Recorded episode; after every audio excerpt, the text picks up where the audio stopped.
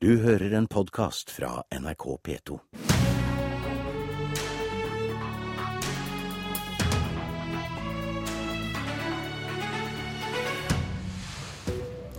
Det blir regjeringsskifte i nabolandet, men hvordan i alle dager skal Sverige kunne styres med dette valgresultatet? Velkommen til Politisk kvarter. Ett er sikkert. Fredrik Reinfeldt kasta korta, og den sosialdemokratiske lederen Stefan Löfven starta arbeidet med å danne ny regjering. Jeg er beredt nå å begynne sondere mulighetene for å bilde en ny regjering for Sverige. Og en sak er veldig tydelig. Det er at Moderaternas sett å lede Sverige er underkjent. Det sa Löfven i natt. Vi går først nå til Sverige, der vi har med vår politiske reporter Jarle Roheim Håkonsen fra Stockholm. Hva slags eh, skildring av den svenske politiske situasjonen våkna svenskene opp til i dag, Jarle? Dette er en trist dag for Sverige. Dette er eh, en eh, vond morgen. En Ekspressen-forside som er gått helt i svart. Som det eneste som står der, er at det var 781 000 svensker som stemte på Sverigedemokraterna, og ikke noe mer enn det, står det der. Så det er eh, ikke helt fritt for eh, velgerforakt for de 13 prosentene som Sverigedemokraterna fikk. Men her legger man altså vekt på at det er 87% som ikke stemte. Og eh, sosialdemokratene prøver så godt de kan nå allerede nå flørte med borgerlige partier for å si at nå må vi andre legge stridigheter til side for å skape stabilitet for Sverige. For alternativet er, og det vet alle svensker som er fan av ordning og reda, er at eh, den svenske stabiliteten, den svenske forutsigbarheten, eh, står på spill. Nå har Sverige blitt mer likt andre land enn eh, de har vært før. Og nå blir det en veldig veldig vanskelig situasjon, som i dag vil starte da med at Löfven tar inn sitt eneste sikre kort, nemlig Miljøpartiet. Og deretter så er det nesten bare ukjente. Sveriges statsminister Fredrik Reinfeldt varsla relativt tidlig på kveld at han eh, ville trekke seg både som statsminister og partileder. Kom eh, dette overraskende? Ja, det gjorde det på eh, svært mange. I hvert fall at han da allerede nå varslet at han går av til våren. Noen mener at han var bare så happy og fornøyd, og også sliten etter åtte år at han eh, fint nå kunne gå ned med flagget i hvert fall nesten til topps. Det andre er at han, det han sa, var at han ville gi god tid til en eh, etterfølger eh, og forberede seg til Kongressen til våren. Men det er åpenbart at, at Reinfeldt tok mange på senga med den tydelige beskjeden. Men han virket i natt nokså fornøyd med, med internasjonal presse, som jo har fortalt at Sverige har gjort det eksepsjonelt bra, finanskrisen tatt i eh, betraktning. Og det er eh, nok eh, en ettermæle som han eh, godt kan leve med. Og Det eneste sikre nå er vel at det blir ei mindretallsregjering der eh, sosialdemokratene eh, leder ei regjering bestående av uvisse parti. Ja, det har jo Sverige hatt mindretallsregjering også de siste fire årene, men da har jo da Sverigedemokraterna stemt sammen med dem i åtte-ni av eh, ti saker. Eh, problemet nå blir selvsagt eh, at Sverigedemokraterna har denne mellomrollen. Og der vil jo de bli forsøkt isolert igjen. Spørsmålet er hvordan det går. Det gikk jo for så vidt bra før, men når opposisjonen samlet sett er da så mye større og kan i veldig mange enkeltsaker finne enighet mot da, denne mindretallsregjeringen, så blir det veldig krevende for, for Löfven. Har eh, lederen i Sverigedemokraterna, Jimmy Åkesson, sagt noe om hvordan han skal bruke posisjonen sin? Ja, han har det. det han har da bekreftet at eh, det er et ettsaksparti, Sverigedemokraterna, og har sagt at den eneste oppskriften på å få hans støtte er at han får gjennomslag for hjertesaken, begrensning i innvandringen. Og så lenge da de andre partiene har svart like klart tilbake at det kommer ikke på tale, så eh, virker det som om denne eh, vippeposisjonen, denne vågmesterrollen som svenskene kaller det, blir eh, bare på papiret. At han ikke får benyttet den, i alle fall ikke da i verken regjeringsdannelse eller budsjett.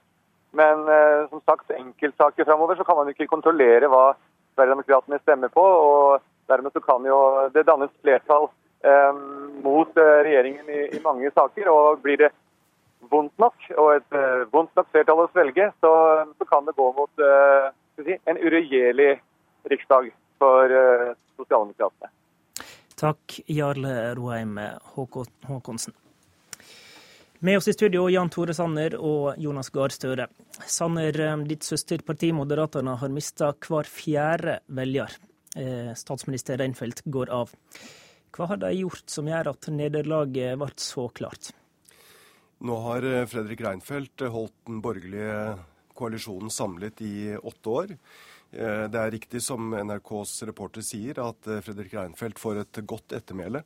Ikke minst har de klart å holde orden i økonomien etter at Sverige på en helt annen måte enn bl.a. Norge ble rammet av finanskrisen.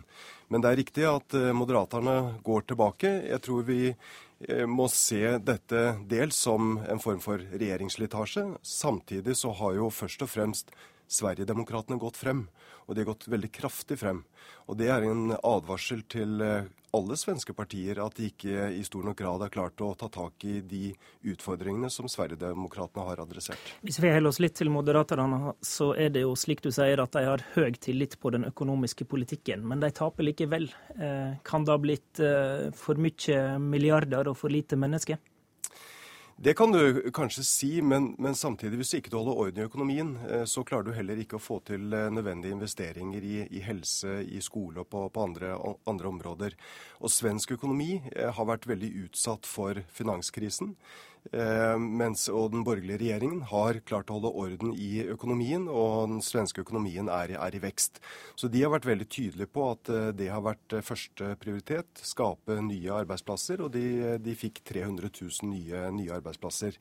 Eh, men realiteten er at de tapte valget, og nå må de, de, samle seg. Og jeg vil benytte denne anledningen til å gratulere både Gahr Støre og også Löfven, som eh, nå blir ny statsminister i, i Sverige. Eh, de får en spennende utfordring, og de får en krevende utfordring. For realiteten er jo at, at de rød-grønne partiene samlet sett har ikke gått frem. Så det har ikke vært noe rop etter rød-grønn politikk i, i Sverige. Slik er det jo, Støre. Er det grunn til å gratulere når uh, sosialdemokratene egentlig gjør det nest dårligste valget etter krigen, og Löfven får makta fordi de borgerlige mister stemmer til et ekstremt innvandringskritisk parti? Først kan man begynne med å si at I dagens Europa, i et parlament med mange partier, så er det å få over 30% ingen dårlig bedrift. Det er ikke mange som gjør det.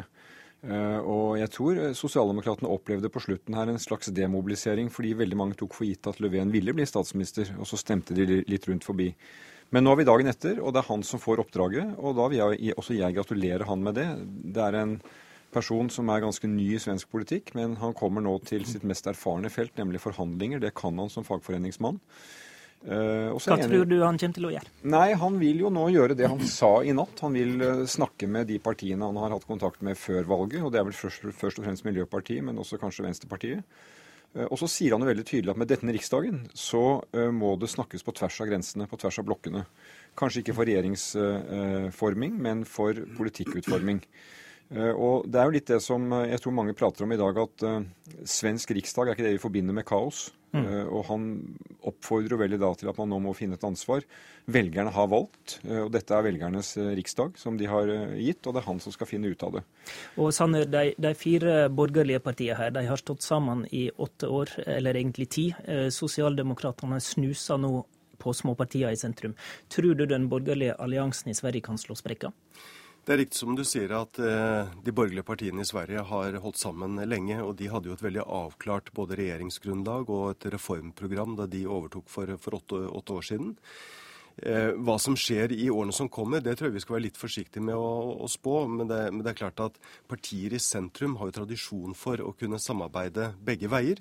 Eh, men når det kommer til regjeringsvalg, eh, så har de borgerlige partiene tradisjonelt sett klart å, å stå, stå, samlet. Men det påhviler jo nå alle svenske partier å bidra til en positiv utvikling i, i Sverige, og konstruktivt samarbeid med de som sitter i, i regjering. Og det er jeg helt sikker på at både Moderaterna og de andre borgerlige partiene i Sverige vil bidra til. Sverigedemokraterna får altså 12,9% og 49 av 349 representanter i Riksdagen. Eh, de siste eh, fire åra så har de etablerte partiene isolert Jimmy Åkesson. Kan de fortsette med det nå, Støre? La meg si det sånn at uh, i Riksdagen tror jeg det kommer til å være veldig realiteten fortsatt. Disse vil jo stemme uh, etter uh, både taktikk og sitt eget program, men det vil jo ikke bli inngått noen avtale med dem etter det vi hører. Men hvis vi går litt bakenfor, så tror jeg det er viktig at svensk debatt ikke isolerer sakene som dette handler om, som er innvandring og integrering. Og Her observerer jo vi som følger svensk og dansk og norsk politikk, at det er litt ulike toneleie i de nordiske landene om disse spørsmålene. Og som det ble sagt i Sverige i går, at uh, det er ikke sånn at 13% av det svenske folket er rasister. De, dette er et uttrykk også for at uh, det temaet engasjerer velgerne, kanskje mer enn det den politiske debatten fanger opp. Så det blir også spennende å se hvordan de borgerlige partiene vil forholde seg til Sverigedemokraterna når de nå går i opposisjon. Mm. Jeg tror For Sosialdemokratene er det jo helt uaktuelt å inngå noen form for formelt avtale eller mm. samarbeid om politikk med dem. Eh, men et parti på 13% vil jo synes i svensk politikk, og det blir eh, veldig spennende å følge framover. Sanner, hva tenker du vil, vil, det være klokt av de eh, etablerte partiene å fortsette å ignorere dem, når, når de tross alt har fordobla seg og velgerne har gitt en klar beskjed? Vårt søsterparti i Sverige, Moderaterna og Fredrik Reinfeldt har vært veldig tydelige på at de ikke vil ha noe med Sverigedemokraterna å, å, å gjøre. Eh, jeg er nok enig i den innfallsvinkelen Gahr Støre har, at man må skille mellom eh, formelt eller uformelt samarbeid med, med Sverigedemokraterna og de utfordringene som Sverigedemokraterna har tatt opp, nemlig innvandrings- og integreringsutfordringene. Nå, nå, må en diskutere det i større grad? Det må diskuteres på en helt annen, annen måte. Og, og, jeg har nok opplevd at Eh, at innvandring, integreringsutfordringene har stått tydeligere på den politiske dagsordenen hos alle partier i Danmark og i Norge, sammenlignet med, med Sverige. Sverige har ikke klart å ta tak i, i disse utfordringene, og, og, utfordringene er større. Men Sverige mottar eh, over 80 over 80 000 eh, flyktninger og asylsøkere hvert år, så ligger vi i Norge på under 10 000. Eh, tilsvarende i, i, i Danmark. Utfordringen i svenske byer er, er, en helt annen enn det det er i, i norske. Det betyr at, at, svenske politikere fra alle partier i større grad må ta tak i disse utfordringene, ellers så kommer Sverigedemokraterna til å fortsette å vokse. Støre, har svenskene noe å lære om innvandringsdebatten? jeg syns det er veldig vanskelig å sitte og gi altså, Politikk i Norden er også veldig knyttet til et lands historie. Vi, vi, Norden utenfra ser veldig likt ut. Ser vi Norden innenfra, så ser vi veldig klare forskjeller. Men la meg peke på en ting som også er viktig ved dette valget. Da, at eh, ja, Sveriges økonomi, tallene der ser bedre ut enn i mange andre land. Men en av grunnene til at denne regjeringen har gått så mye tilbake som den gjorde i Sverige, det var jo det at de har hatt en arbeidsledighet Sverige aldri har sett. En ungdomsarbeidsledighet som er altså på opp mot 20 Eh, og de har hatt f.eks. på området skole, som man er opptatt av både i Norge og Sverige, et veldig kraftig nedgang i kvalitet og store utfordringer. Så jeg tror også dette er en slags strømning i det svenske folket, at de vil ikke ha mer av den politikken. Og de har satt åtte år med politikk som har prioritert store skattelettelser framfor å, å, å gjøre velferdsinvesteringer. Eh, og da tror jeg at investeringsutfordringen for Sverige, det er noe som Löfven vil legge stor vekt på. Og der tror jeg faktisk at han kan også få oppslutning utover sine egne rekker. Mm. Det, det, er riktig som Gahr Støre peker på, at Sverige har utfordringer i, i skolen. Eh, vi har eh, over tid hatt god dialog med våre eh, kollegaer i, i Sverige, og de har vært i Norge for, for, å lære hva vi har gjort med den norske skolen. Men hvis vi ser på det svenske valget, så det ikke, har det jo ikke vært noe rop etter rød-grønn politikk. De står på stedet hvil sammenlignet med for, for, fire år siden. Men nå får Löfven utfordringen, og det blir veldig spennende å, å følge. Både hvordan samarbeidsmønsteret blir i svensk politikk, men, men også eh, hvordan han vil styre Sverige, og, og i hvilken grad han vil reversere mange av de reformene som har eh, gjort Sverige til, til gitt dem den økonomiske styrken de har nå. Skal vi tolke dette til slutt som et protestvalg? Jeg tror vi skal være veldig forsiktige og sitte i et norsk studio og, og, og, og si det. Svenskene har nå gitt, uh, avgitt sine, sine, stemmer, og nå ligger utfordringen hos Löfven. Og det blir spennende å følge svensk politikk i ukene, og månedene og årene som kommer. Det var Politisk kvarter mandag. I studio Håvard Grønli.